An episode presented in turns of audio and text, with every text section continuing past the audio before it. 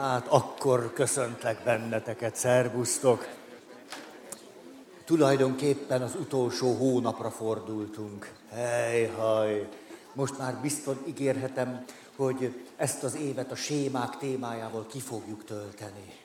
Valami dráma, ilyen új témában nem fogunk belekezdeni, de azért van mondani való bőven.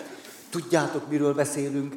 Sémákról, ez most nem is érdekes, hanem arról beszélünk sémák kapcsán, hogy létezhet bennünk az a feszültség, vagy szakítottság, hogy vagy az igazságot merjük, tudjuk, akarjuk képviselni, és akkor elveszítjük az együttérzésünket, vagy a megértésünket, vagy azt, hogy valakinek meg tudjunk, akarjunk bocsájtani, vagy pedig tudjuk képviselni az irgalmat, a megbocsájtást, a részvétet, a szolidaritást, de valahogy az igazságot veszítjük el akkor szem elől. És ami nekünk nagyon-nagyon fontos, hogy úgy álljunk ki az igazság mellett, hogy közben készek legyünk megbocsájtani, irgalmasnak, együttérzőnek, megértőnek, szolidárisnak, illetve, hogy úgy tudjunk szolidárisak lenni, hogy sose fizessük meg azt az árat, hogy némák maradjunk akkor, amikor el kellene mondanunk, kiállni és megmondani, hogy ki, mikor, kivel, mit, hogyan csinált. Beleértve nekünk vagy másoknak. Ha, ez már is tetszik. Én szerintem ez egy minőség. Jaj, ezzel foglalkozni, nem mindig csak külön-külön egy-egy szeletét. És ezért ezt bátran nevezhetjük egymást kölcsönösen kiegészítő igazságoknak, amelyek egymást átjárják, föltételezik, megalapozzák és kiegészítik. Na de most, hozom a három széket, ami még érdekes lehet, mert mivel foglalkozunk, ezzel a székkel foglalkozunk, és ezt most úgy neveztük meg, hogy az érzelmi intelligencia fejlesztésének lépései. Nem bíztok bennem, most ezt... ezt... Tessék? Van benne rágó? De láttad? Hát egy narancs alatt, na ná, hogy van. Hát az tudkiság. Tehát amikor az érzelmi intelligencia fejlesztésének a lépései, Erről beszélünk, akkor például arra gondolunk, hogy miért van az, hogy rágógumik vannak itt, és hogy megfogom ezt, belenyúlok valakinek a, a összenyáladzott rágógumis valamiébe, itt valami nem stimmel. Hát mindenképpen fejlődnünk kell. Szóval ezzel foglalkozunk, érzelmi intelligencia fejlesztése, hogyan tudunk fejlődni, és ha az érzelmi intelligencia, akkor emlékeztek, volt három székünk, három klasszikus magatartás, most így mondom az egyszerűség kedvéért, a saját érzéseinkre vonatkozóan, hogyan tudunk viszonyulni a saját érzéseinkhez. Az első elutasító módon. Akár azt is mondhatnám, ő az, aki menekül az érzésektől. Gyorsan alakítsuk át őket, gyorsan figyelmünket tereljük el, gyorsan tűzünk ki valami nemes célt. Épp egyetemistákkal beszélgettem délután, és azon beszélgettünk, hogy mennyire más az, amikor valaki tudja, hogy ez egy nagyon fontos vizsga, vagy pedig van is kedve hozzá. Hogy a kettő hihetetlenül nem ugyanaz. És amikor valaki a gyereknek magyarázza, hogy ez nagyon fontos, hogy időben odaérjünk, ez nagyon fontos vizsga, ezt meg kell csinálnod, és meg, hogy anyád nem lesz mindig melletted, a két lábadra kell állni, ha három volna, arra kellene állni. De hogy milyen könnyű a helyzetet, csak kettőre kell állni, az nem is olyan sok. Na most, hogy azzal dolgozunk, hogy mi helyes, meg mit kellene csinálni, mindig-mindig magunknak is ezt elmondjuk, és tudjátok, az egyik veszőparipám, amitől gyóntató papként némi rángás jön rám, jó, ti ezt nem látjátok a gyóntatószék homályában. Ez az, amikor hosszan mondjátok azt, hogy tudom, atya, többet kellene imádkoznom. Többet kellene a Szentírás. Na a kedvencem, amikor ez a mondat hangzik el, mert ebben sűrűsödik az őrületem. Látjátok, rögtön összemosom a három széket, hogy esemény, hatás és reakció. Ez az, amikor valaki azt mondja, hogy tudom, hogy többet kellene forgatnom a Szentírást. Értitek?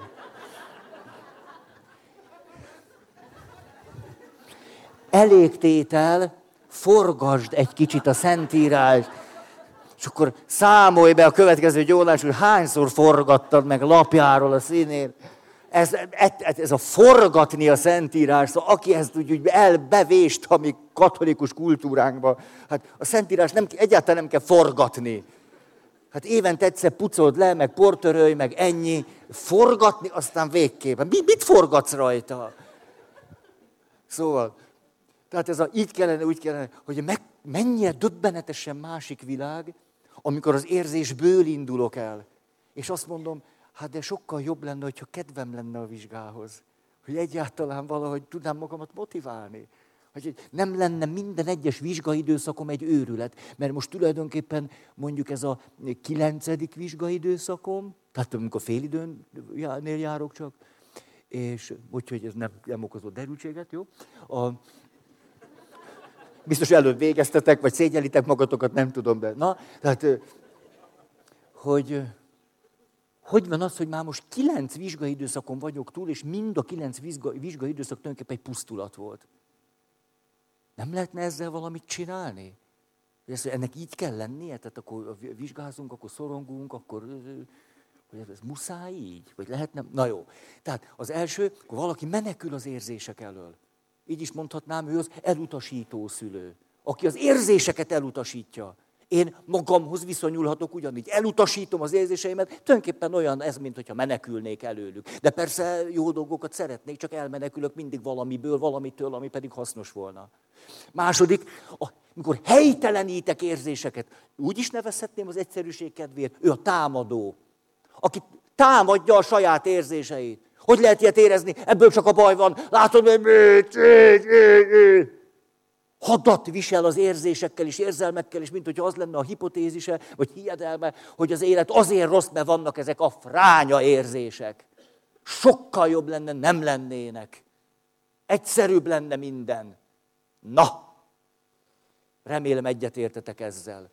Házasságkötés után például kifejezetten bizonyos érzések szűnjenek is meg. Na, Hát ez volt, hogyan viszonyultok másképp klasszikus módon az érzéseimhez. Itt menekülök előrik, itt támadom őket, hadat viselek egy életen át a saját érzéseimmel, küzdök és harcolok. A harmadik, hát ez sokaknak nagyon kényelmes és tündi-bündi megoldás. Ez pedig az, amikor hagyom, hogy az érzések bekebelezzenek. És akkor ott vagyok, és vagyok, és érzek, és érzek és megint, és még időt szánok rá, és okozta. És ennek van egy kiterjesztett lehetősége, az érzelmi fertőzés, ezt ide rakom. Tehát nem csak megengedem, hogy az érzések legyenek, hanem az egész környezetemnek ezt mindig adom, és, és, és mindig tudják, és akkor ehhez, kap, és ehhez viszonyuljatok, és most így vagyok, és most úgy vagyok, és úgy. Ez három klasszikus nem annyira parádés megoldása annak, ahogyan a saját érzéseinkhez viszonyulhatunk. És ezért kezdtünk el beszélni arról, hogy az érzelmi intelligencia tulajdonképpen ennek a egymás kölcsösen kiegészítő igazságpárnak nagyon hatékony, sokszínű megvalósulása az életünkben. Tudjátok, 24 pont, semmit nem akarok idehozni, mert ezt befejeztük a múlt alkalommal, és oda jutottunk, de izgalmas! Hogy akkor hogy tudnánk leírni a változást. És egy lengyel pszichiáternek a gondolat menetét követem, aki olyan izgalmasan el-elpötyögtetett egy-egy izgalmas gondolatot arról, hogy a fejlődő képességnek milyen föltételei vannak, ahogy a címben is ez benne volt. Ez egy annyira rendes dolog a részemről. Arról beszélni, ami a cím, kifejezetten tisztességes. Most megszüntetem ezt, mert hat pont van, de már háromról beszéltem, ezt most csak kényelmesen ülésre fogom használni. le. Elmondanám, hogy mi ez a három eddig fölvázolt föltétel, amit folyamatban ágyazottan mondok el nektek, de ha ti más lépéseket követtek, akkor csináljátok úgy, hogy nektek jól esik. Az első így volt, érzelmi zavar, mint lehetőség. Miért? Azért, mert mi mindannyian, fő, főnyegény, állandóan küzdünk a saját érzelmi, gondolat és egyéb beszűkültségeinkkel. Folyamatosan mindannyian. És Schopenhauer annyira zseniális, ha, ha valaki semmi más nem tett a földön, csak kimondta ezt a mondatot, már, már, nekem már Azt mondta, a legtöbb ember a saját korlátait a világ határainak tartja.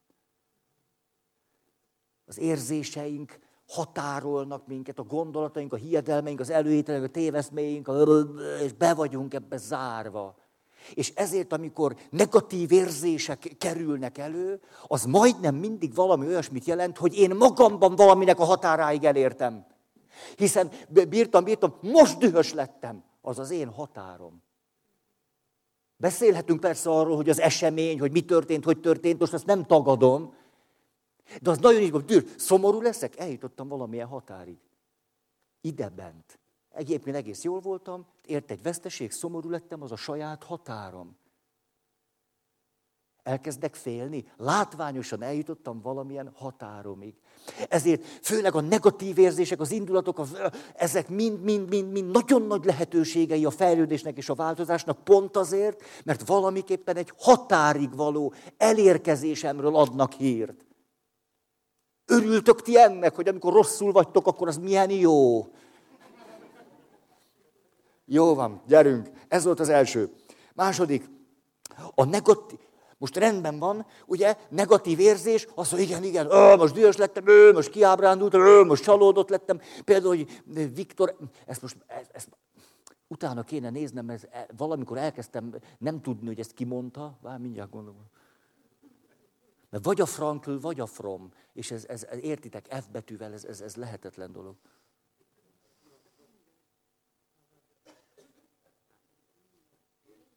Mindegy. Ti így vagytok itt, hogy mindegy. De, de, sose bántódjatok meg, csak saját felelősségre. De, de tudom egyébként, tudom, Frankl mondta. Viktor Emanuel, V.E. Frankl, vagy Viktor E. Frankl, vagy Viktor Emanuel Frankl, vagy Viktor Emanuel és ebben egy pici lehetőséget adtunk még a tévedésre. Na most, tehát Frankl azt mondja, minden kétségbeesés mögött valaki be tudja fejezni. Ott a lehetőség. Jó, jó, ötös. De tényleg eddig erről beszéltem, ez nagyon pompás. Ah, igen, igen, még ennél, még ennél durvábbat mondott. Azt mondja, minden kétségbeesés mögött valaminek az istenítése. Az mit jelent, hogy valamit idealizálok, és amikor már végképp idealizáltam, istenítettem azt, hogy ő, valamit végtelenségig kiterjesztettem, na aztán, és ebbe a határba egyszer csak bele, bele ütközöm. Hogy valamit illegitim módon teljesen kiterjesztettem. Ugye nem tudok nélküled élni. Hát persze, hogy rosszul vagyok, ha elmész pisilni. Az aga a bizonytalanság, értitek? Van egy kis fantáziám, a WC-ből rengeteg lehetőség nyílik arra, hogy egyszer csak... A föloldódástól kezdve... Hát ha Isten ételek, és a nélküled nem lehet, nincs élet, akkor persze, hogy egy csomószor nagyon rosszul leszek. És eljutok a saját határaimig. Miért? Mert kétségbe sem mindig, amikor távol leszel. Ez, hát felejthetetlen, de ez egyáltalán nem tartozik a témához, csak, csak én volt egy, egy pszichotikus beteg. Járt minden vasárnap a misére. Ezt annyira na, mindig hátul megállt, és mise után megvárt, odajött, de ezt szertartásosan csinálta, elég sok kényszer dolgot csinált önmaga stabilizálására. Tudjátok, ez gyakran van így, hogy önmagunk stabilizálására kényszer cselekvéseket csinálunk, és akkor valami rendet tartunk magunk körül, meg magunkban. Na, és akkor azt, ő mindig azt csinálta, vége volt a misének, már állt ott a sekresti ajtóba, ilyen nagyon dohányszagos bőrkabátja volt, ezt onnan tudom, hogy szertartásosan levette magáról, és tök mindegy, hogy tél volt mínusz 20, vagy nyár plusz 30, ő mindig bőrkabátban volt, és ezt mindig rám terítette, és azt mondta, hogy nehogy megfáz idekin. És tök mindegy volt, hogy nyár volt, vagy tél, vagy ez fogta a kabátját, és rám terítette. És tulajdonképpen ez egy ilyen nagyon szép volt, nem tudom, mesei motívum, hogy addig, addig beszélgettünk, amíg a kabátja rajtam volt. És lehetett tudni, hogy most már fölveszem a kabátom, hogy akkor ő neki ez elég, ez, ez segített. Gyertek, hát a kerítés, ugye? Jól mondom? A kerítés. A kerítés. Ugye, ugye? Ha, előbb kellett volna indulni. A... De te ezeket nem bírom ki, érted? Hát nehogy belefulladjunk itt a nagy egymás szeretésbe. Hát azért van igazság is, nem? Na, és a, szóval, hol tartok? Na, ott tartok, hogy ez a férfi, aki mindig rám tette a bőrkabát, ez pszichotikus beteg volt. Éveket élt pszichiátriám. És ő hozzá kapcsolódik ez az eset, most nem tudom melyik széket használjam, talán legyen inkább a fekete, a történet mondani valóját leginkább talán ez festi, hogy vége volt az ünnepi szagos misének hívják, szagos mise, ezt a vallásosok úgy nevezik, hogy azért szagos mise, mert a, a legelegánsabb, előkelőbb misén tömjén esznek, és attól szagos. Mások egy kissé, hogy mondjam, polgáriasabban ragadják meg a szagos mise kifejezés mögötti valóságtartalmat, arra utalván, hogy a dámák jártak különböző mindenféle illatfelhőben ezekre a misékre. Na most. Szóval, szagos misének vége volt, és az egyik hölgy a mellékhelyiségbe távozott. Innen volt az asszociáció. És egyszer csak, ve, most ez a kifejezés, velőt rázó sikoly. Át tudjátok ezt érezni? Tehát, hogy ez, ez nem csak valami csip-csup, velőt rázó sikoly. Hát nem, semmi nem volt, csak nem, nem merem. És, a, és hát értitek, ha ez a WC-ből van, akkor az, azért az ajtó megállt parancsol. Ez egy komoly dilemma. A sikítás elég indok arra, hogy föltépd az ajtót, amikor te férfiként egy női sikolyt hallasz a WC-n. Komoly dilemma. De nem kellett ezzel a dilemmával megküzdenem, mert nem én értem oda először. És az derült ki, képzeljétek el, hogy ezen a szép, ám de hűvös tavaszi napon a patkány a WC-ben úszkált.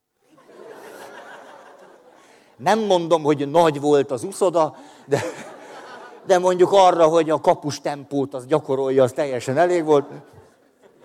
És képzeljétek el, hogy a hölgy ráült a vécére.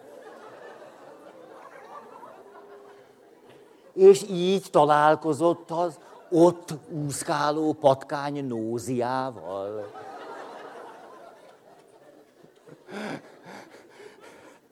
Ezért volt a sikítás. És hát mi mindannyian azt gondoltuk, hogy beszorult egy bálna, egy lamantin, egy cápa, vagy valamilyen óvatosan közelítettük a helyet. És ez a pszichotikus beteg, aki már sok mindent látott, és éveket élt pszichiátrián, a legnagyobb nyugalommal, a nulla stressz.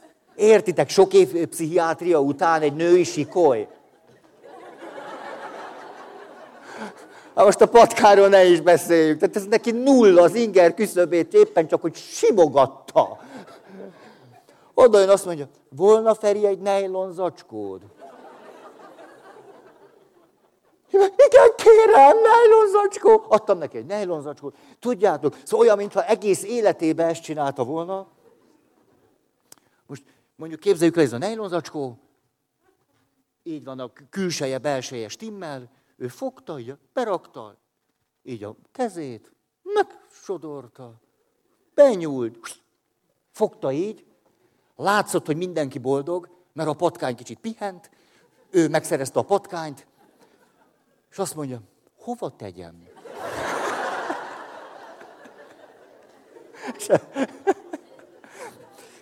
És erre is rögtön volt tipje, mert hogy az analitikus gondolkozási képessége nem veszett el a stressz hatására.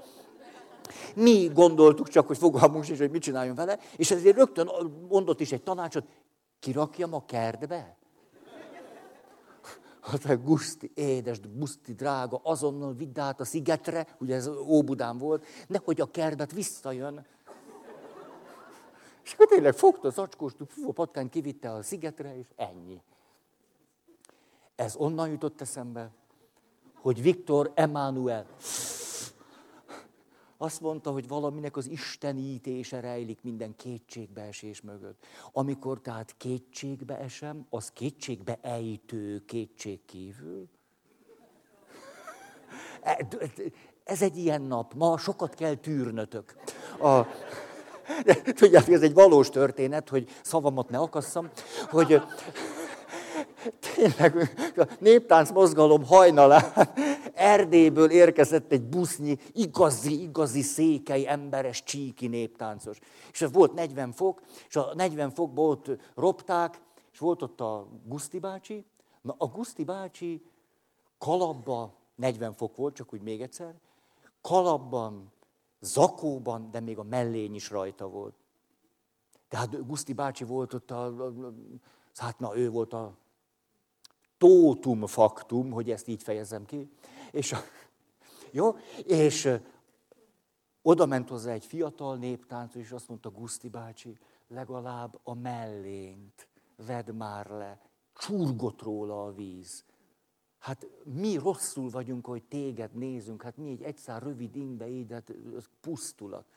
És így kihúzta magát az öreg Guszti bácsi, azt mondja, fiacskáim, tanuljátok meg, magyar embernek sokat kell tűrni. És tovább táncolt kalapba, zakó, 40 fokba. Na most, a, mikor eljutunk a kétségbeesésig, minek mögötte valami istenítés zajlik, tulajdonképpen a saját határainkig jutunk el, amely határral már régen érdemes lett volna valamit kezdenünk. Már régen. Ezért nagyon izgalmas ez a gondolat, hogy minden negatív érzés és érzelem beleértve minél, minél hevesebb, minél pusztítóbb, minél elviselhetetlenebb, annál inkább a saját határainkra hívja föl a figyelmet, és ilyeténképpen pedig azt fejezi ki, hogy valamilyen beszűkültségünkhöz érkeztünk el. Mert általában sokan, vagy a többség, vagy legalábbis egy jelentős kisebbség ugyanebben a helyzetben nem úgy van, mint mi. De mi úgy vagyunk vele. Tehát, hogy lehetne másképpen is viszonyulni valakihez valamihez. És azzal, hogy mi így vagyunk, ez a saját beszűkültségünk, és a... jó, gyerünk, megyek tovább. Olyan sok izgalmas dolog van, csak... csak... Három az önreflexió képessége. Hogy anélkül nem jutunk ötről hatra, hogy meg lenne bennünk ez a képesség, hogy föltegyük ezt a kérdést, hogy mit csinál velem egy érzés. Honnan jön ez az érzés? Mióta tudom, hogy van? Most, most, most hogy, hogy alakult ez ki? De mit, mit tudok én erről? Mit akarok ezzel az érzéssel? Emlékeztek érzelmi intelligencia, mikor tizedik lépésnél elkezdünk megkülönböztetni?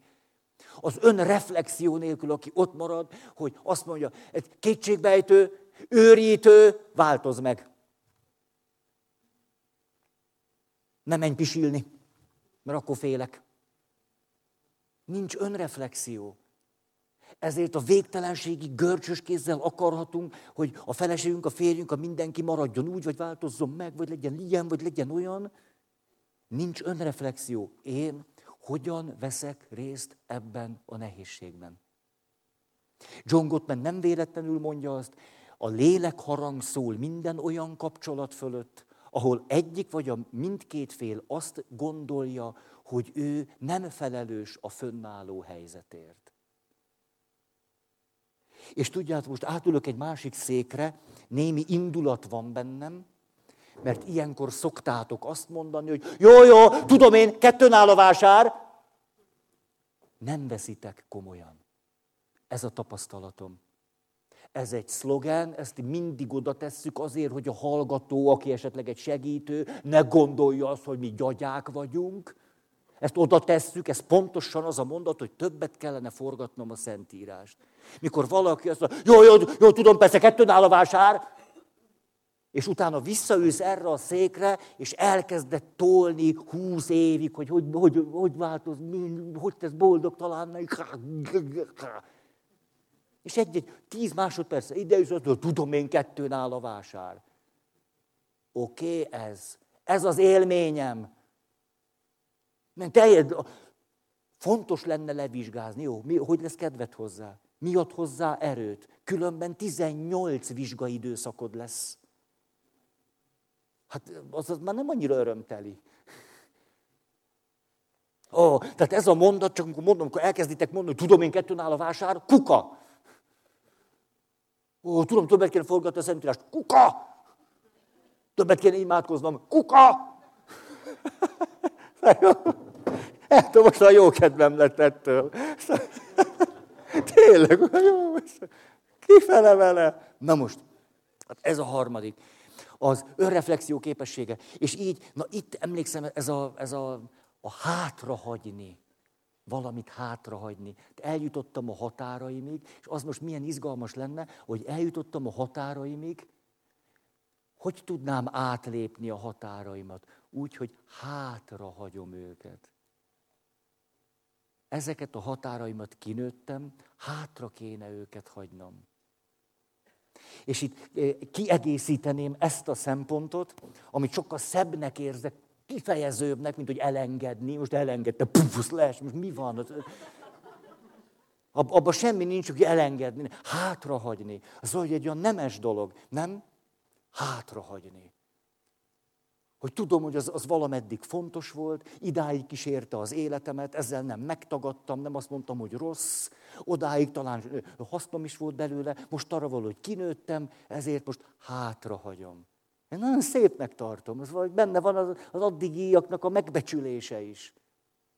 Tehát az egyik, hogy hátrahagyom. És a következő pontnál miért kezdek el akkor már valamit tenni? Hogy megpróbálok teret adni valami újnak.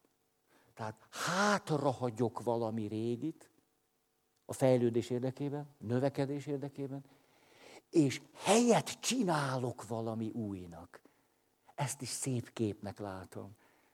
Mert ebben benne van az, hogy nem, nem rögtön egyik pillanatra a másikra megy. Sokszor, hogy úgy, úgy, úgy pakolgatunk egy kicsit, na, úgy rendezgetjük, nem, néha bútorokat tologatunk, úgy jön a baba, vagy nem tudom, jön, jön egy vendég, és akkor úgy, úgy még nincs itt, még nem is vagyunk készek, de, de úgy kezdünk helyet csinálni valami újnak. Valaminek a befogadására kezdjük magunkat is alkalmassá tenni. Ezt nagyon szépnek látom. Hát hátrahagyni valamit, és helyet csinálni valami újnak. És így akkor most mondom a negyedik pontot. Azt mondja, a negyedik pont így szól, hogy az önreflexió révén belátásokig jutunk el. És itt szoktam nagyon-nagyon hangsúlyozni, hogy nem elég, hogy gondolkodtam rajta. Megint ide ülök ez, amikor az a, tudjátok, itt van az, hogy forgatni a Szentírást, meg kettőn áll a vásár. Annyit agyaltam már rajta. Kuka! Ez az annyit agyaltam. Mikor már annyit agyaltál rajta, akkor már régen világos, hogy a határaiddal, már régen abba kellene hagynod, már régen valami más kéne csinálnod. Tehát pont már annyit agyaltam. A másik, ó, ez annyira jó, most ezt mind kikukázzuk. Azt, mikor, e, mikor ezt mondjátok, és ez tényleg az összes indulatomat, amit a megértésbe kell fordítanom egy beszélgetésbe, most rátok öntöm mikor úgy sóhajtasz, és azt mondod, de ez annyira bonyolult! Kuka! Kuka! Mikor idáig jutsz, hogy annyira bonyolult, meg annyit agyaltam már rajta. Kuka! Már régen eljutottál a határig. Már régen, már 25-ször, 225-ször beleverted az orrod. Hát ezek a mondatok tünetei annak, hogy már régen itt az idő. Ahogy egy teológus mondta, amikor a többség az egyházban azt mondja, várjunk még, akkor már elkéstünk. hogy ez mennyire így van, ordítani tudnék. Rettenet. Na, gyerünk tovább. Szóval, tehát a negyedik belátás. Hát igen. Ezt most tudom még kicsit olyan fájóbban mondani. Az igazság önmagunkra való, vagy önmagunkra vonatkozó részét magunkra vesszük. Az igazság ránk vonatkozó részét magunkra alkalmazzuk. Az igazság ránk vonatkozó részét magunkra vonatkoztatjuk. Na itt ez egy olyan fájdalom, amit nem egyszer inkább akarunk elkerülni, mint a régi megszokott fájdalmat. Az igazság ránk vonatkozó részével való találkozás fájdalma nem egyszer kerülendőbbnek tűnik föl számunkra, mint az, hogy csalódottak vagyunk, vagy kiábrándultak, vagy szomorúak, vagy igen, tudj, megint csak egy gyónási élményem. De mindig van bennem együttérzés. Csak most a másik részét fejezem ki. A, igen, most az igazság részét mondom, de az együttérzés mindig két szék van, nem raktam le. Látjátok, itt van. Bármikor átülök, de most nem akarok. Az, megvan ez egy meghatározó élmény, valaki jön, és, és belép, és sír. És, ugye a bűnbánat tartásnál az, hogy neki nagy a bánata. És azok fölött, a bűnök fölött, amit vele szembe követtek el.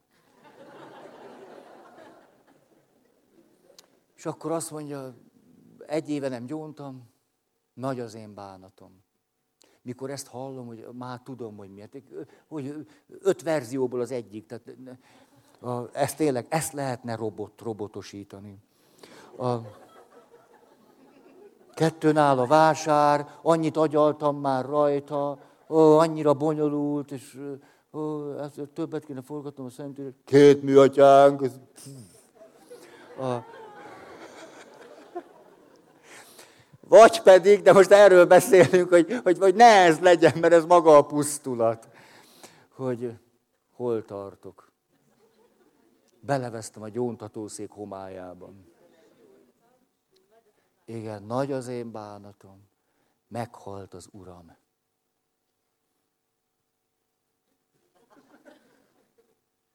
Gyanús, hogy itt valami tételvesztés van.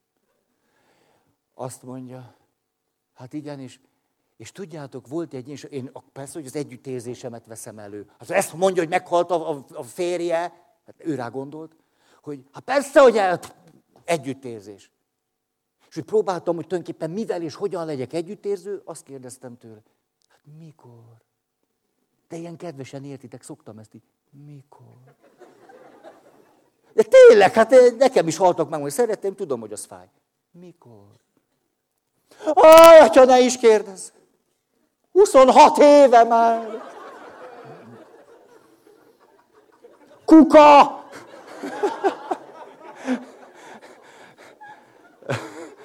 Nem, hát... Ne. Mit érzékeltettem ezzel? Azt, hogy valaki jobban ragaszkodik ehhez a 26 év szenvedéshez, mint hogy az igazsággal való szembenézésnek a fájdalmát vállalja. Mert amíg azt mondom, de hát hogy történhetett ez? Hát hogy történhetett ez én velem? Hát hogy lehetek én ilyen szerencsétlen? Hát erre mondjon valamit, atya! És még 25-en állnak kint. És én most oldjam meg a halál misztériumát 20 másodpercben.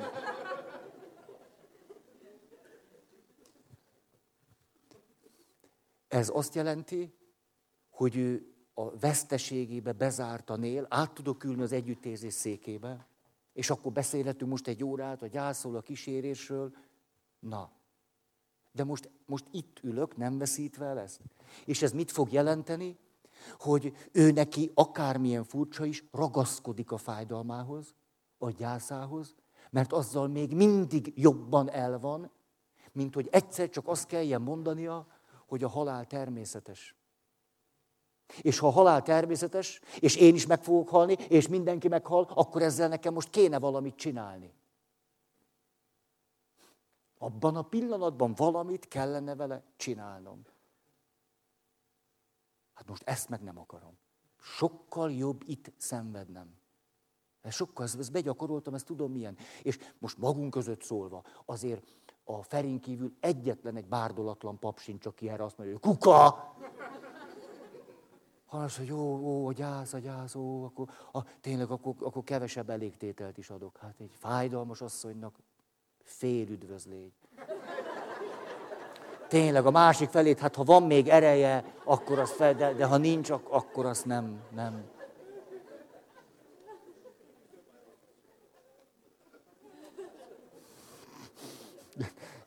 Hogyan lövöm ki magam a katolikus egyház berkeiből, ugye? Címmel tartott előadást május másodikán. Most leültem erre a székre, hogy valamit mondjak. Most visszaültem ide, de inkább itt ez jó. Kuka! Ezt a...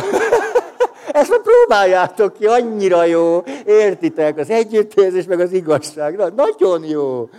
Nem véletlenül csinálom, nem volna jó, nem csinálnám. Tehát most ide ülök itt. Tehát a negyedik pont mi volt?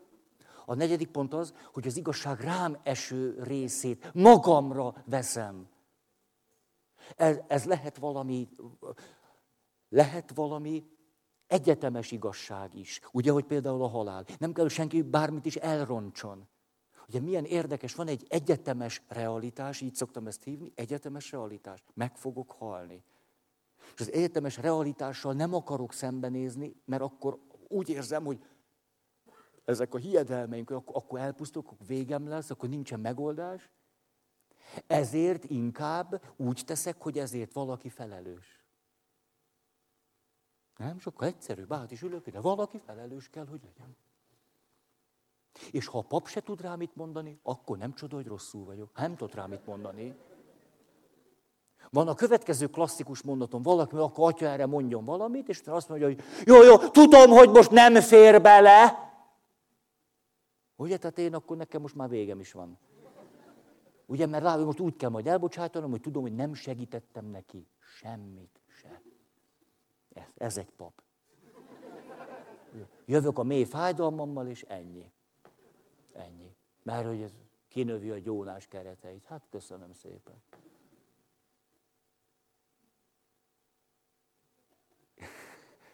Értitek? Szóval van, hogy sokkal egyszerűbb egy egyetemes realitással szemben küzdeni. Emlékeztek a három szék? Ez, aki harcol az egyetemes realitásokkal szemben.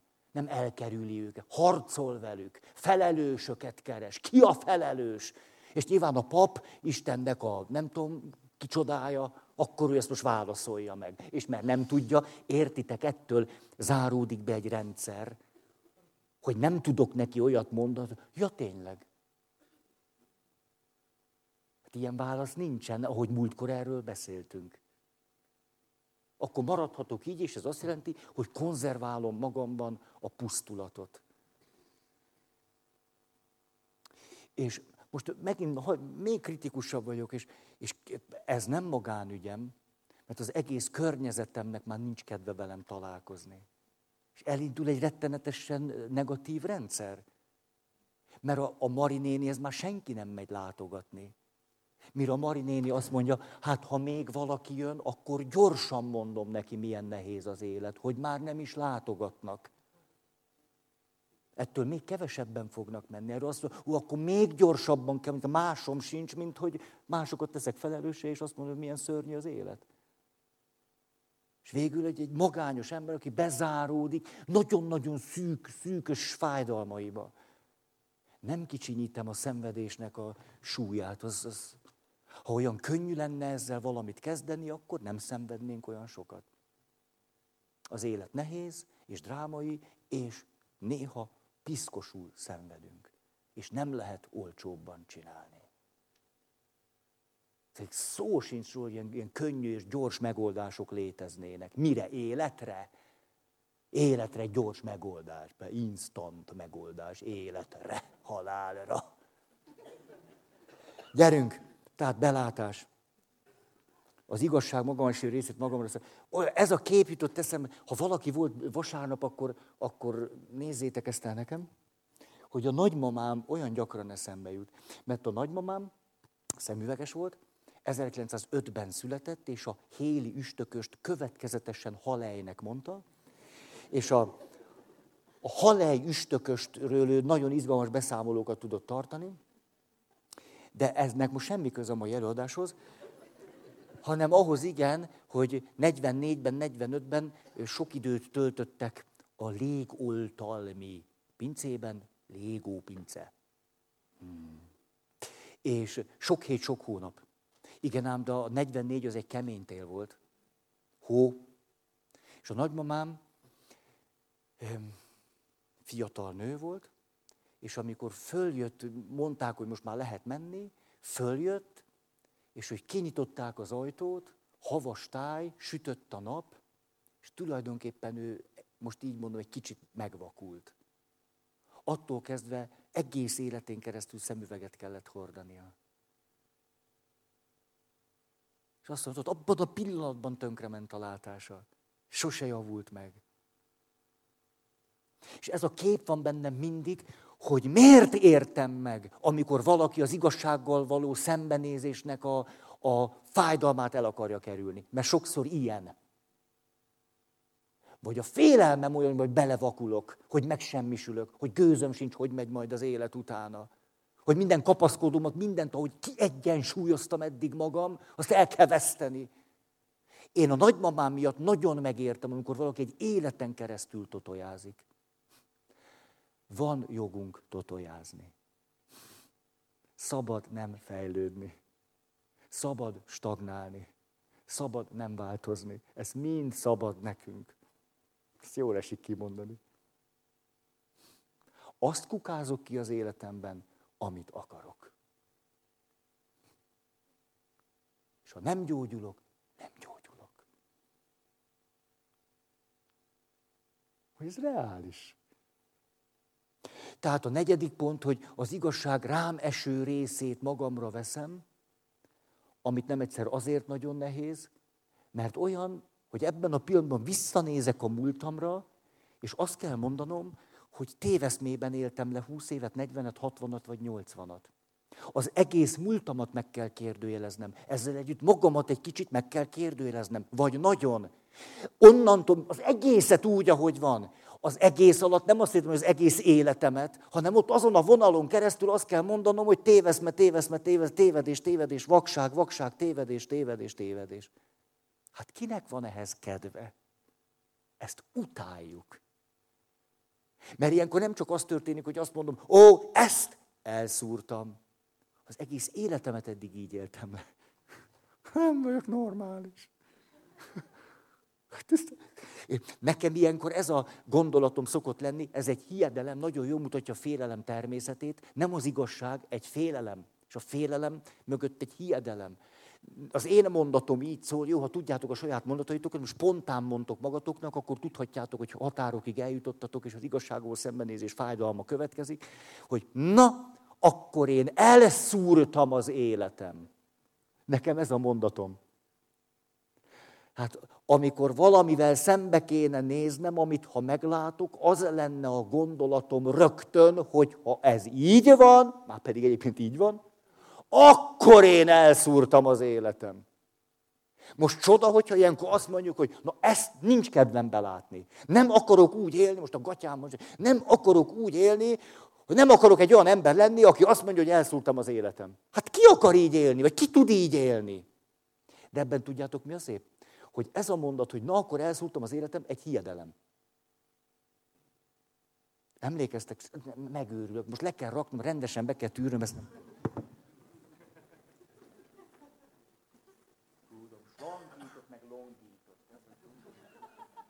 mindent tudok.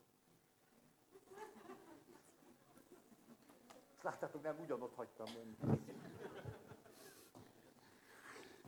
Szóval azt mondják a bölcs terapeuták, hogy azért érdemes kimondani azt a belső monológot, ami itt megy, amikor a beszűkültségeinkben vagyunk, mert ilyenkor a téveszméinket kristálytisztán fogalmazzuk meg. Ez érdemes ezeket kirakni. Tehát amikor azt mondod, hogy na, onnan jön az élmény, hogy most 20 éve vagyok pap, vagy 21, és négyszer jutottam el ehhez a mondathoz a papságomra vonatkozóan, hogy pap lettem. Na, akkor én elszúrtam az életem. Ez négyszer történt meg 20 év alatt, szerintem nem is olyan rossz. Öt évenként.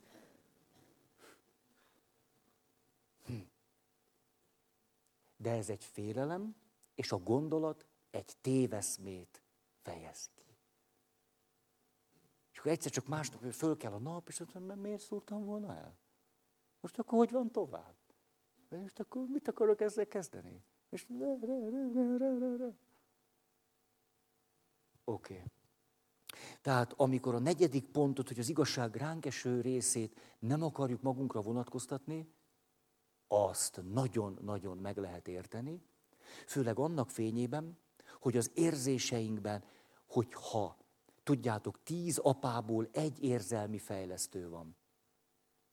Mikor erőt vesz rajtam a halálfélelem, és azt gondolom, hogy ezt be kell látnom, akkor az derül majd ki, hogy elszúrtam az életem, ami nem így van, ez egy hiedelem. A félelem iszonyatosan erős, és engem a szüleim mire tanítottak meg? Az első, hogy nem, az a, gyorsan menekülj el ettől a félelemtől, nehogy tovább menj ebbe az irányba. Semmiképp ezt nem. Vagy azt, hogy na, a félelemmel csak a baj van. Vagy azt, hogy ó, Feri, vesszel a félelemben. Ó, itt vagyok, veled együtt félek, tényleg, de, de megértem. Hát ezeket tanultam meg ipari módon. Akkor, amikor eljutok a halál félelemig, olyan eszköztelen vagyok, mint egy csecsemő. Hát persze, hogy ragaszkodom a régi dolgaimhoz. Hát mi megtanítottatok halálfélelemmel valamit kezdeni? Anya jött, megtanított rá, mondtam, anya, félek, rettenetes, apa, ő. Nem szabad félni. Éppen egy nagyszerű, ma is élő pszichoterapeuta mesélte az ő gyerekkorában, egy keresztény háttérben szocializálódott, vagyis nevelkedett, vagy nevelődött, vagy neveletlenődött. És azt mondja, hogy valahogy a kereszténységből fakadt az ő családjukban egy ideológia, ez pedig az, hogy az ő családjukban tilos volt félni. Tilos, mert a kezémben nem fél, mely, és azt mondta, ne féljetek, akkor mi nem félünk, ennyi tilos volt félni, és azt mondja, hogy, hogy régi idők, az, hogy nem egyszer szólt az édesanyja neki, hogy menjen ki, már sötét volt, és húzzon vizet a kútból. Azt mondta, mindig retteget, de nem az volt az igazán nagy probléma, hogy retteget, hanem hogy ezt nem lehetett mondani. Vagyis a félelemmel nem lehetett megtanulni valamit bánni, vagy kezdeni. Csak azt, hogy még beszélni se lehet róla. Azt mondta egy nagyon szép ilyen, ilyen ön, önélet visszaemlékezésében, hogy, hogy és a, talán a legerősebb félelme akkor volt, amikor meghalt a nagymamája, és falusi szokás szerint a nagymamát fölravatolozták a szép szobában. De ő neki a szép szobán keresztül kellett menni a saját szobájába. És nem volt szabad félni. És ezt egyedül kellett csinálnia. Nem volt senki, aki oda tudott volna menni, hogy halálfélelmem van, mert a halott nagymama van itt. Tehát amikor ugye szoktak minket bántani, hogy miért nem változtok, miért nem fejlődjetek ma, amit stagnáltok, Hát most ám az együttérzés székébe vagyok. Hát persze, hogy azt csináljuk. Hát senki nem fogta meg a kezünket halálfélelemkor, nem vitt át rajta minket. Hát azt se tudjuk, mit kell csinálni.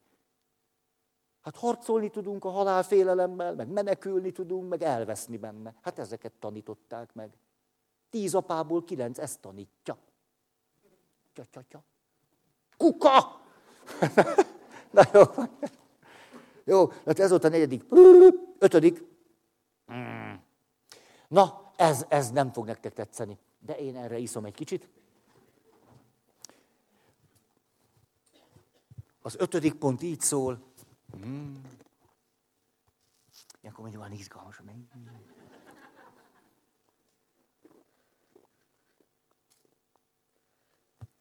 Ez nagyon fiam. Hőfok tökéletes, akárki is hozta. Hát ez... Ja.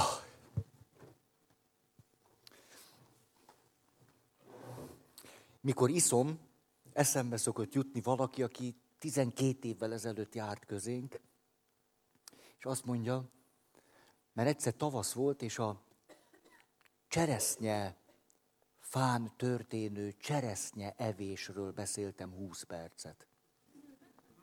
Biztos, hogy nagyon fontos témánk volt. És olyan érdekes dolog történt, hogy annyira jól esett beszélni arról, hogy, hogy, hogy gyerekkorban a, degeszre tömni magunkat a cseresznye, le nem jönni csak akkor, amikor már annyira fáj a hasad, hogy már azért jössz le, mert félsz, hogy már nem fogsz tudni lejönni. És, és enni egyesével a cseresznyét, és kettesével, és négyesével. Meg vannak ezek, akkor, akkor variálod őket, akkor kimagozni, úgy enni. akkor magad bent tartani hátra, hány, hogy tud, megvan neked? Megvan! Úgy enni a cseresznyét, hogy a magot nem rögtön kiköpni, enni egy, egy mag, két mag, négy mag, anyja, egyet lenyelni, rettegni, újra csinálni. Megvan ez, hát értitek, a te nélkül milyen ifjúság. Tavasszal másszatok a fára már is. Nézd, akkor még ne egyetek be, még zöld. És annyira emlékszem, 20 percig beszéltem, a méret halál témánk volt. Akkor odaült, és azt mondja, figyelj Feri, én egy művész ember vagyok. És most akarom neked mondani, ez volt életed legjobb előadása, mert szerintem 20 percet beszélni a cseresznye evésről semmivel se alábbvalóbb dolog, mint a halállal küzdeni. és ez olyan szép. És amikor a nagymamám meghalt, a nagymamám úgy halt meg, hogy azt mondta, az utolsó mondata nem az volt, hogy figyétek az örökségemet tovább. De nem is volt mit. Na, de nem... Elkártyázta. Nem, de... Oh. De most... Most erről eszembe jutott egy történet, ez muszáj, ez muszáj. Képzeljétek, Erdélybe jártam. Hát ez, és Erdély, és akkor tartottam előadást valahol Csík, vagy Székelyudvarhely, á, valahol ott. Na, és akkor utána leültünk valami igazi magyaros, ettük a lecsót, vagy valami jót ettünk. Na, és közben ilyen jó történetek jöttek, és ottani emberektől hallottam, ez az, amikor vége volt a háború, durva téjeszesítés kezdődött. Ugye, és akkor tűzzel, vassal, bottal, mindennel verték be az embereket a téjezbe, most magyarul meg egyszerűen mondom. És volt az agitprop. Tudja, na, tapasztaltaknak nem mondom, a fiataloknak, meg az úgyam már, mi az, hogy agitprop. Tehát agitációs propagandista. Ő állt, és a következőt mondta mindenképpen a jó megoldás a TS. És akkor ki kerülhettek a földes úr barkából. Hát milyen ember az ilyen? Egy éjszaka alatt a birtokai háromnegyedét elkártyázta. És el, átott a öreg parasztember, hatalmas csönd lett, mert erre mit lehet mondani, értitek, egy éjszaka alatt a birtokai áram, ez tényleg durva, ilyen a TS. A, az öreg parasztember a következőt mondja. Ha, van úgy, hogy nem mén alap.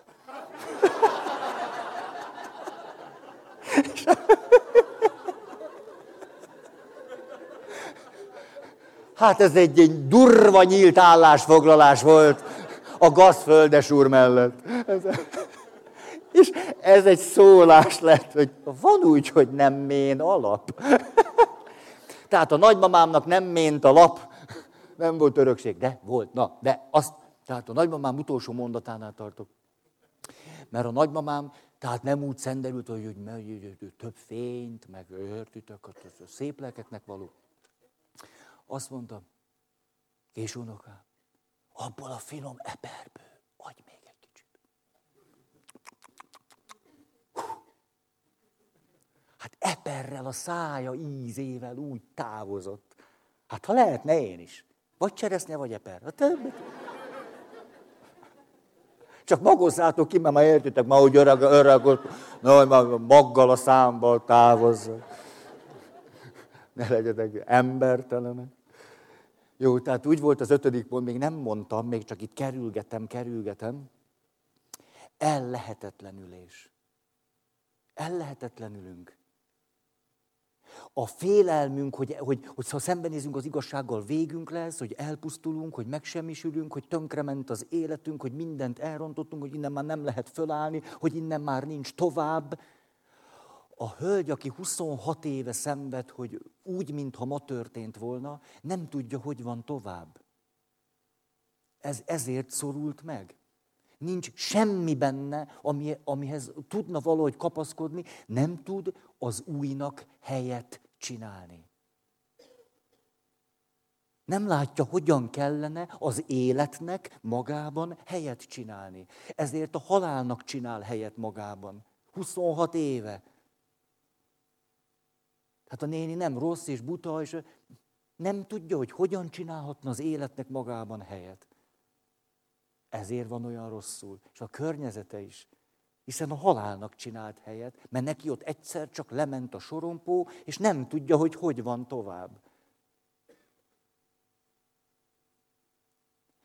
És ezért az el-lehetetlenülés, valamiféle áldott, vagy pozitív, vagy kreatív, vagy gyógyító el-lehetetlenülésre van szükségünk.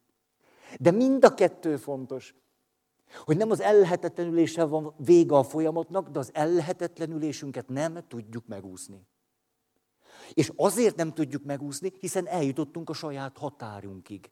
Hát ahhoz, hogy egyszer csak új határaink legyenek, hogy az a változás, fejlődés létre tudjon jönni, valamiképpen kimondva, kimondatlanul, élmény szinten valahogy meg kell ismernünk, hogy ellehetetlenültünk, hogy ez egy határ volt, és ezt most magunk mögött kell hagyni. Ezt hátra kell hagynom, hogy ennek már most itt vége van.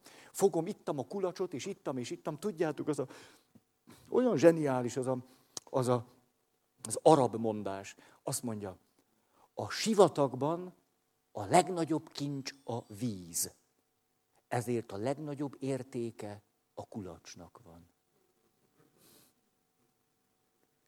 És ezekben a helyzetekben ez történik velünk. Kettő. Az egyik, hogy elfogy a vízünk, és a kulacsot hátra hagyjuk. Kinőttük, hátra hagyjuk. De azt gondoljuk, hogy ha elfogyott a víz, vége az életnek. De nincs vége.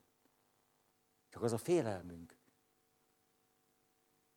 Megnézem, megrázom a kulacsot, semmi. Akkor végem van. Tudjátok, hogy háborúban a katonáknak 30-35 százaléka nem is halálos sebekben hal meg. Nem abban hal meg, hogy halálos sebet kapott, hanem abban, hogy azt gondolja, hogy vége van. És mert azt gondolja, hogy vége van, ezért az erei kitágulnak, ez egy nagyon erőteljes stressz lesz, hiszen retteg attól, hogy meg fog halni, ezért a szíve még erősebben ver, és olyan sebekben vérzik el és hal meg, amely sebekben nem kéne meghalni. Minden három katonából egy. A szó szoros értelmében meghalunk olyan sebekben, amelyekben nem kellene, mert annyira rettegünk, hogy most meg fogunk halni. És ebben nincs semmi átok, meg nem tudom mi, ilyen egyszerű a magyarázata. És ha ő tudja, kaptam egy lövést, és a stresszel tud valamit kezdeni, és ott van azt, hogy lesz tovább, kinek szólok, ki segít, kire hagyatkozom rá, hogyan kötöm be, hogyan mondom én, hogy szorítsátok el, hogyan veszem az első mozdulattal az övemet, és fogom itt, és elkötöm. A néni, aki azt mondja, hogy 26 éve halt meg a férjem, egy nem halálos sebben hal meg.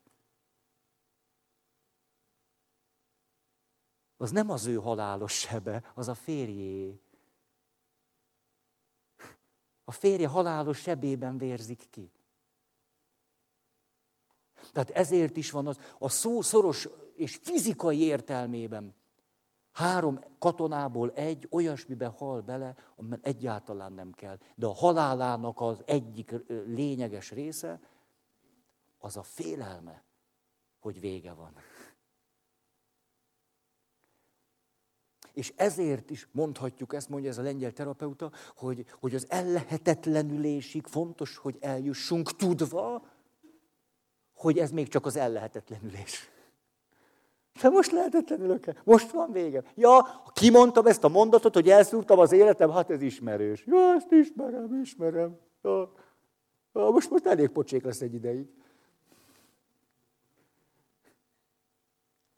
Az ellehetetlenülést, például a, a lelki irodalom, hát ez, ez mindig is így volt, ez így volt ezer éve, meg kétezer éve, vesszük az irodalmat, mindenhol erről olvashatunk, csak így, úgy, amúgy, meg nem tudom én, hogy hogy valamiképpen a, az én halálaként is meg szokták fogalmazni. Hogy a meglévő én valahogyan elpusztul. Mert egy új én fontos, hogy szülessen. A régit hátrahagyom, nem azért, mert rossz, hanem kinőttem. Nem tudja megoldani azt a veszteséget, hogy meghalt egy szerettem. Ez az én erre nem képes. Szükségem van egy újra. De az újhoz akkor jutok el, van egy pont, tudjátok, amikor régit el kell engednem, az új meg még nincs meg. Na ez nem könnyű. Ez három lépés. Hogy egy ideig addig kapaszkodunk a régibe, amíg csak lehet. Régi, régi, régi, régi, és akkor nyúlnánk az új felé, az meg itt van. És a kettő között lehetetlenülünk el. Van úgy, hogy egy igazság úgy, hogy egy igazságot nem beengedünk az életünkbe, hanem bejön. Ismerős? Tehát hívta a csuda. Egyszer csak... Ah! Egyetemes realitásoknál így van. Egyszer csak kiderült, hogy én is, én is tudok beteg lenni, egyszer csak kiderül, hogy én is öreg tudok lenni, egyszer csak kiderül, hogy műteni kell, egyszer csak, hát hogy hívta a csuda. Hát csak így van. Ettől a pillanatok kezdve nem tudok már magamra úgy nézni, mint eddig. Ha te fiatal ember. Na de úgy, mint akit... Úgy, ez...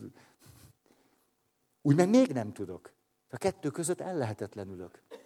Tehát az ellehetetlenülés olyan érdekes a, a emlékeztek a um, Kim John Payne, egyszerűbb gyerekkor. Azt mondja, a gyerekeknek valamennyi unalomra szükségük van. Ha rengeteget unatkoznak, az, az nem jó. De ha a szülők azt gondolják, hogy az a dolguk, hogy a gyerekeiket kell szórakoztatni, ezért csak felet vállalnak, az a másik véglet. A gyerek unatkozik. Még nem tudja, mit kéne csinálni, hogy valami értelmes, vagy kreatív, vagy érdekes, vagy szórak, ezt még nem tudja, hogy kell csinálni. Néha már tudta, de most megint nem tudja, mert most nagyon esik az eső. És annyira szívesen kerékpározott volna, és ez volt a fan, hogy ker, de most nem lehet kerékpározni, és beszorult ebbe, hogy ő kerékpározni akar. De közben esik az eső, nem engedik úgy. És a kettő között van a döglesztő unalom. Pusztulat és halál. Kin esik az eső,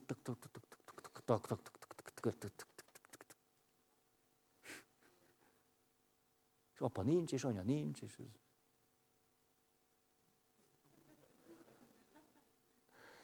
És de nagy dolog, mikor egy unatkozó gyerek egyszer csak valahogy ezen a pusztulaton átverekszi magát. És kitalál valamit.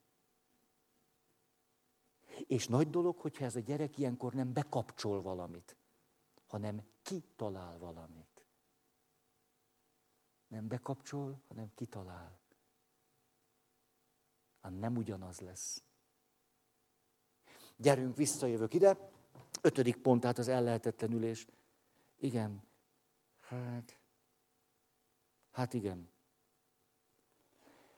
A, nem tudom, mikor mondtam el utoljára ezt a történetet. Annyira, annyira emblematikusan valahogy ide, hű, hát a mai anyagot még el sem tudtam mondani, azt gondolom, hogy gyorsan végzek ezzel. Hogy hogy mondjátok, légy szíves, nem akarom elmondani, azt tudom már, hogy mondtam, de hogyha mostanában mondtam, akkor nem mondom. Hogy a szenvedélybeteg srác, aki az utcáról szerzi a kábítószert, és mondja, hogy apa, kell nekem 200 ezer forint, mert ha nem adsz pénzt, akkor elvágják a torkom. Nem meséltem el ezt mostanában? Mostanában nem. Akkor ezt most bátorkodom elmondani, mert hát nem jártok csak így hébe-hóba, hogy, hogy a valós történet, ezt a történetet magától, az apától tudom.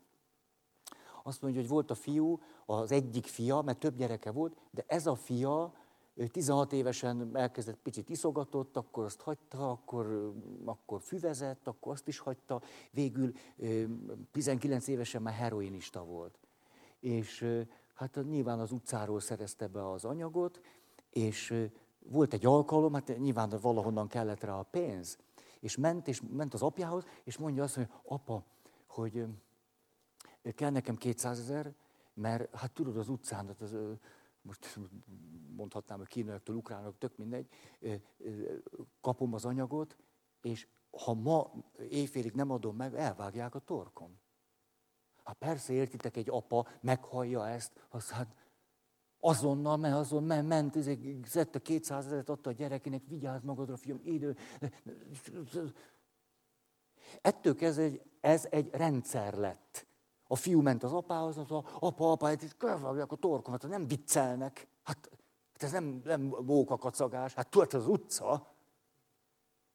És most földgyorsítom a történetet. Az történt, hogy az apa eladta a nyaralót, eladta az autót, kiárusították az összes örökséget, egy-két ékszert, ezt azt, és kisebb lakásba költöztek. Ez néhány év alatt megtörtént. És a srácnak a testvérei, amikor az egész család kisebb lakásba költözött, akkor föllázadtak az apjuk ellen. És odaálltak az apjukhoz, és azt mondták, ide figyelj, apa, az, hogy te most a fiaddal így, vagy úgy, vagy egy csomó mindent úgy csinálsz, hogy ezt te akarod. De ahova most eljutottunk, ez azt jelenti, hogy te minket már az örökségünkből kiforgattál.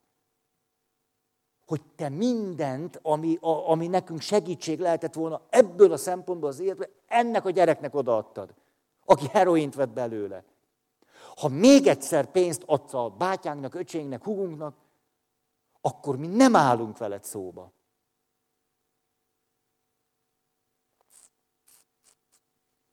Az apa ellehetetlenült. Ez egy ellehetetlenülés.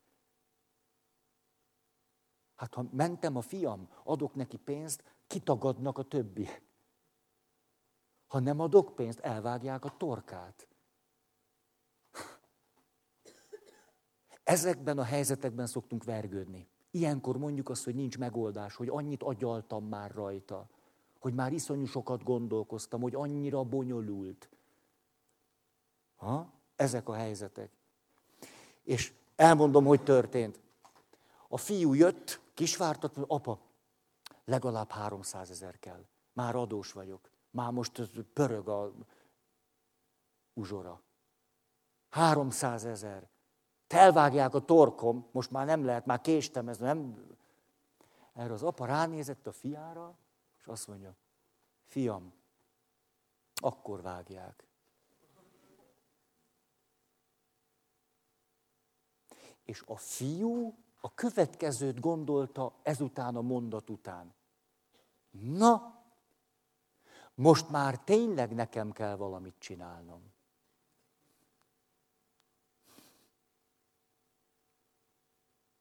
És ezt a fiú elmondta az apjának. A fiú ott eldöntötte, hogy nem használ több szert. Mert rájött, hogy itt most vége van.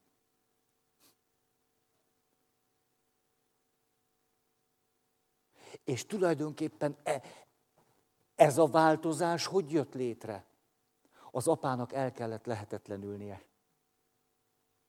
És, a, és hogyan lehetetlenült el az apa? hogy a fiú testvéreinek is el kellett lehetetlenülnie. A testvérek is bírták, sokáig bírták, bírták, és elnézték, és hagyták. Először el lehetetlenültek a testvérek, utána el lehetetlenült az apa, majd amikor a fiú azt mondta, most már tényleg nekem kell valamit csinálni, akkor a fiú is el lehetetlenült. Azt mondta, többet nem tudom úgy csinálni, hogy eddig. De gőzöm sincs, hogy akkor ezután hogy van. A gőzöm sincs, 15 éves korom óta valamilyen szenvedélybetegséggel élek. De gőzöm sincs, hogy lesz ezután. Ezért mondhatjuk azt, hogy vannak ezek a kreatív, vagy áldott, vagy gyógyító, vagy fejlesztő ellehetetlenüléseink. És amikor bárki, nem a pozitív pszichológiát, vagy a lélek, mit tudom én, a vallást arra próbálja használni, hogy azt gondolja, hogy az semmi másra nem jó, mint hogy fölvértez bennünket ellehetetlenülés ellen.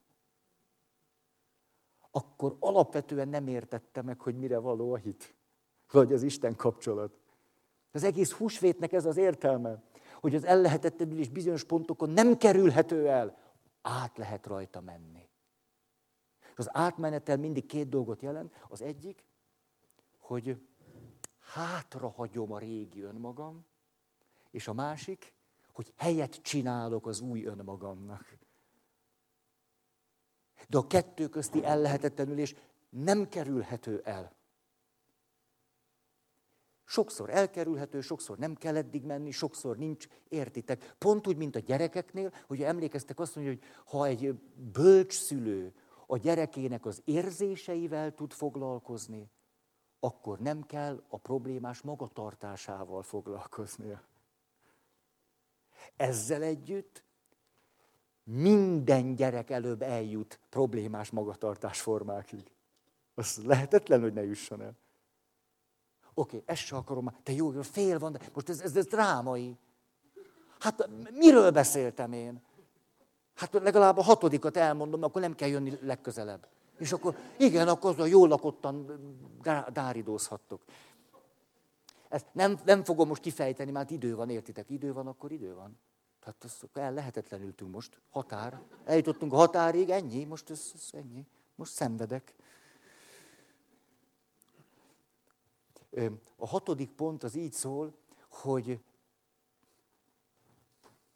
sokan voltak már a világtörténelemben, akik valamennyire bejárták ezt az öt lépést, de az ellehetetlenülésről tudnának beszélni. De van egy következő lépés. Akárhány krízisen átment valaki, akárhányszor lehetetlenült is el, ha ebből nem fakad valami tudatosság, valami belátása és megértése az életnek, beleértve azt, hogy mit csináljak magammal, akkor egyetlen krízis sem fejleszt bennünket. Csak húztatok egy strigulát a börtönötök falán. 24. krízis. Hát, aki ezt kitalálta. Most az életre gondolok. Tehát a hatodik pont óriási jelentőségű, tudatosság. Valami belátásra eljut, egy fölismerésre. Azt akkor megfogalmazni. Erről szeretnék beszélni, és utána tulajdonképpen nem, ez csak úgy, ez, ez egy bevezetője volt annak, hogy de izgalmas, hogy most aztán még bejjebb szeretnék menni. Hogy akkor azt leírni, hogy most a változás folyamatát lépésről lépésre, de hogy ennek mi a kulcsa. De izgalmas. De ti csak menjetek akárhova. És... Jó. Örülök nektek, szervusztok!